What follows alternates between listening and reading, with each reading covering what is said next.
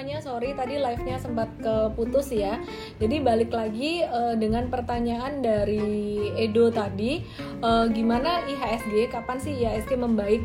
Seperti yang tadi sempat saya bahas bahwa IHSG itu lagi di area dekat support banget, kuat banget 5.700 yang sempat diuji pada 1 Februari dan waktu itu mantul. Nah, kalau ditanya kapan recovery, kita lihat aja secara historical. Secara historical dalam beberapa tahun terakhir, dalam 5 sampai 10 tahun terakhir di bulan Mei jika terjadi koreksi atau perlambatan tren itu biasanya akan terjadi recovery sekitar pekan ketiga dan pekan keempat which is sekarang udah masuk pekan ketiga. Nah, kalau misalkan uh, IHSG naik kemungkinan uh, Mei Juni ini akan menguat dan kemungkinan akan terkoreksi lagi sekitaran Juli atau Agustus. Secara statistik sebenarnya kalau di akhir bulan ditutup negatif itu lebih banyak bulan Agustus yang uh, ditutup negatif kayak gitu. Nah, teman-teman karena ini live-nya ngulang lagi dari awal, aku mau ingetin aja biasanya bahwa kalau market lagi turun tajam kayak bulan Maret, bulan September 2020 itu yang naik duluan, yang dikolek duluan oleh big caps. Eh sorry, yang dikolek duluan oleh big fund adalah saham-saham big caps atau saham-saham berkapitalisasi besar gitu. Ya, jadi uh, watch untuk BBCA, BMRI, BBRI ya. Kemudian uh, terutama big caps yang yang cyclical gitu. Terus kemudian Astra Inter Astra International itu juga masih menarik dan sekarang juga masih disupport. Nah, kalau big caps consumer goodnya gimana big caps consumer good valuasinya sangat murah uh, kalau teman-teman fokusnya investasi jangka panjang boleh kolek tapi kalau trader kayaknya kurang cocok gitu. Nah kalau buat trading uh, we have to be very careful marketnya masih choppy banget akhir-akhir ini. Oke okay, siapa lagi yang mau nge-live? Setiawan 27 Made Oke sambil nunggu Setiawan ya karena karena live-nya ngulang lagi tadi aku mau uh, update aja untuk kripto setelah turun pada tanggal 19 Mei kemarin karena kekhawatiran uh, pelarangan perdagangan kripto dari China. Kemudian yang berikutnya ini ada sentimen dari Amerika bahwa Amerika akan menerapkan pajak Amerika untuk perdagangan kripto di atas 10.000 US dollar. Jadi masih ada fear, uncertainty, and doubt di kripto. Jadi wait and see aja dulu teman-teman. Dan juga karena orang-orang yang beli kripto di bawah itu mereka sekarang udah mulai cuannya lumayan 50 sampai di atas 50% eh, sampai 100%. Jadi mulai waspada profit taking, wait and see dulu aja. Oke, dengan siapa di mana? Gunawan di Bali. Gunawan? Gunawan? Halo? Oh Setiawan, oke. Okay. Apa kabar Bali? Bali, baik baik. Baik ya. Mau nanya apa?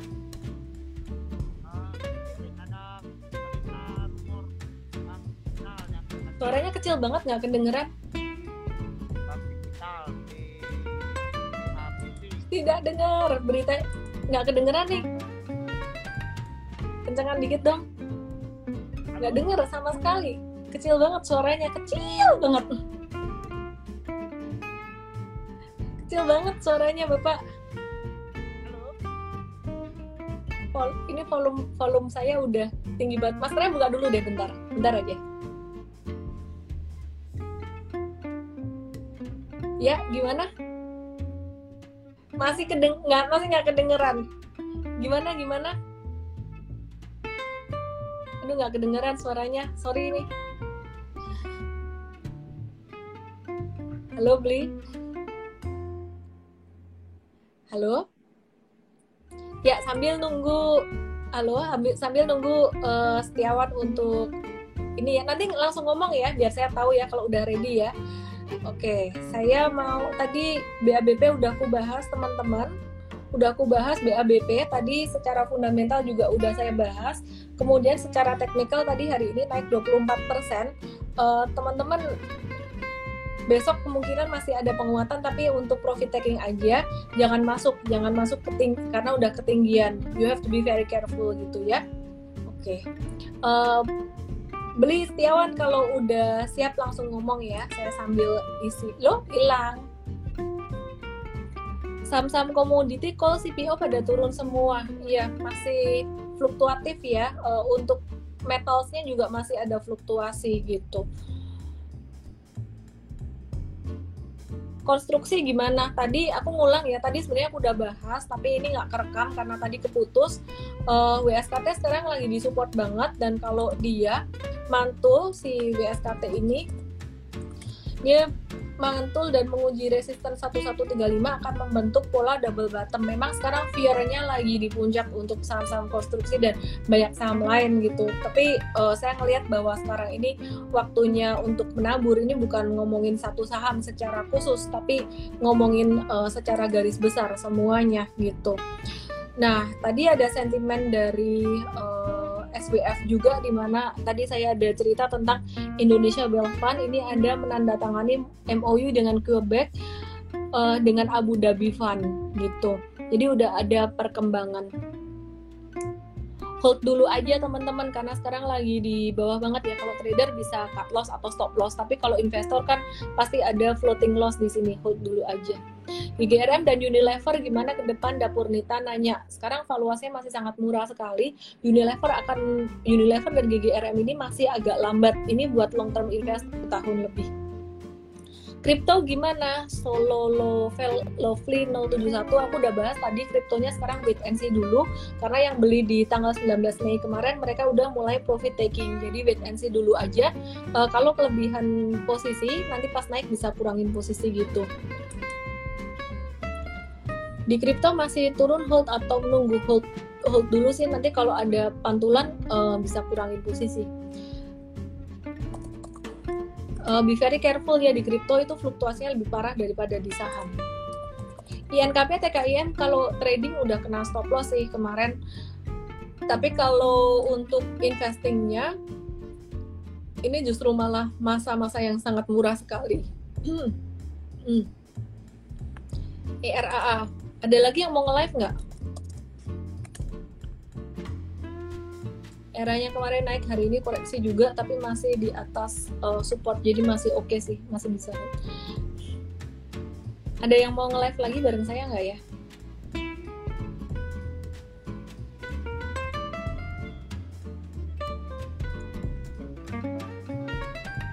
support Antam berapa Anita Hirawi mau buyback Antam kemarin udah take profit. Oke coba saya cek. 2160 sekitaran 2160 uh, yang mau nyicil nambah banyak yang nanya kalau pas turun gini boleh nggak nyicil nambah? Nyicil nambah kembali lagi ke aset alokasi semoga apal semuanya. Kalau misalkan kita desain portfolio kita di awal mau beli saham ini 10% ternyata udah lebih dari 10% ya jangan nambah gitu. Sekarang posisi saham saya yang beli di September sih masih masih cuan, ada yang cuan masih lumayan banyak, ada yang cuan tipis-tipis. Uh, ada juga yang baru beli di 2021 di portofolio yang lain itu agak merah-merah ya ya udah biarin aja dulu gitu kalau untuk yang investing maksudnya udah sesuai dengan aset alokasi aku nggak nambah gitu Antam bisa di hold long term nggak? Kalau ngelihat valuasinya lumayan tinggi ya, jadi kita lebih ke arah trading aja. Kalau ngehold paling mid term aja, bukan yang long term Go to international segera IPO, go go go go IPO, ditunggu ya. Indofood gimana prospeknya? Sekarang lagi murah banget kalau mau beli buat investasi jangka panjang ya sekarang waktunya sih. Udah dalam banget merahnya. Iya memang uh, back to basic lagi, back to fundamental ya kalau market lagi super bearish gini ya. Antara wait and see kalau udah nggak ada modal kalau misalkan masih ada modal bisa pilih perusahaan-perusahaan yang secara fundamental masih bagus dan valuasi murah kayak ICBP Indofood gitu. Samuel mau nge-live oke? Okay, aku approve. Midterm itu berapa bulan? Sekitar enam bulan. 6 sampai 6 bulan sampai satu tahun itu masih midterm. Halo dengan siapa di mana? Halo Miss. Saya Brandon di Surabaya. Surabaya oke. okay. Brandon? Ya, Miss, mau tanya, uh, saham saya ini kan nyangkut semua. Apa nah, aja? Saya ada ada punya BRIS, terus ada punya WSKT. Nah itu saya nyangkut pucuk semua. kayak misalkan bris itu uh, nyangkut di harga 2770 kemarin ini udah posisi nanggung semua sih sebenarnya sekarang ini posisi bottom semua kayak di BRIS ini udah di MA 200-nya. Kemungkinan kalau dia menguat sampai ke 2220 bisa kurangin posisi sekitar area-area tersebut gitu. Terus kalau uh, eh, WSKT kalau buat long term sorry bukan long term uh, mid term investing sebenarnya ini level yang sangat murah sekali untuk akumulasi. Tapi kalau misalkan mau exit tujuannya mau exit sekitaran 1135 itu resisten yang lumayan kuat gitu. Jadi kemarin uh, sempat menyentuh level terendah di 13 April WSKT sekitar angka 940-an juga. Kemudian setelah itu dia naik sampai 1135 atau naik sekitar 22 persen. Ya jadi kalau sekitar 1135 boleh kurangin posisi dikit kalau kebanyakan gitu. Mis, kira-kira kalau misalkan dalam tahun ini gitu bisa balik model nggak ya? Apa aja sih sahamnya selain itu?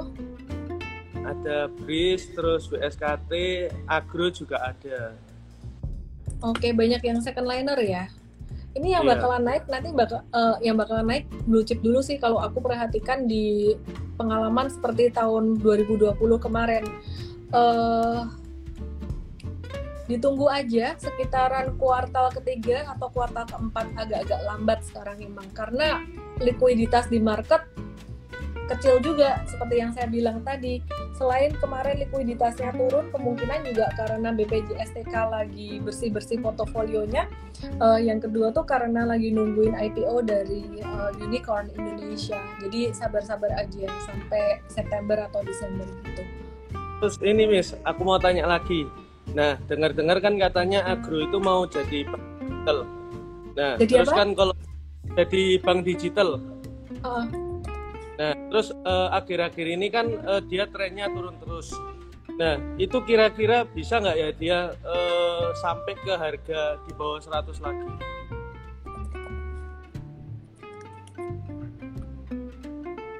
Agro ini supportnya yang kuat banget di 765. Kalau sampai dia breakdown 765, uh, 765 atau 720 itu harus exit. Kalau breakdown di bawah itu udah nggak bagus.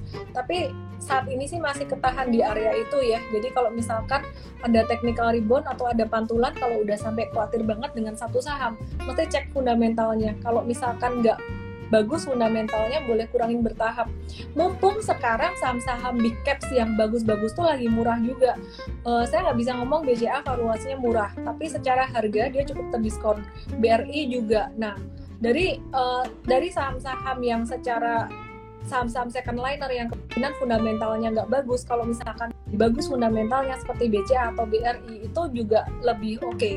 secara recovery mungkin nggak bisa cepat karena bukan bukan saham yang uh, di pom pom kayak gitu juga ya. Tapi slow but steady pasti baliknya gitu.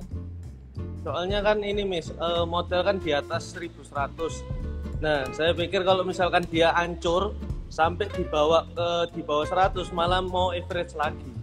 Oh jangan. Itu jangan. Kita kan maunya saham itu uh, naik ya cuan itu naik. Kalau misalkan dia turun ini kan dia likuiditasnya volume transaksinya udah kecil. Kalau sampai dia turun sampai breakdown banget itu secara logika secara nalar uh, big fund atau investor gede itu nggak doyan sama emiten X ini gitu loh. Saya nggak bisa ngomong secara khusus uh, terutama yang second liner second liner gitu.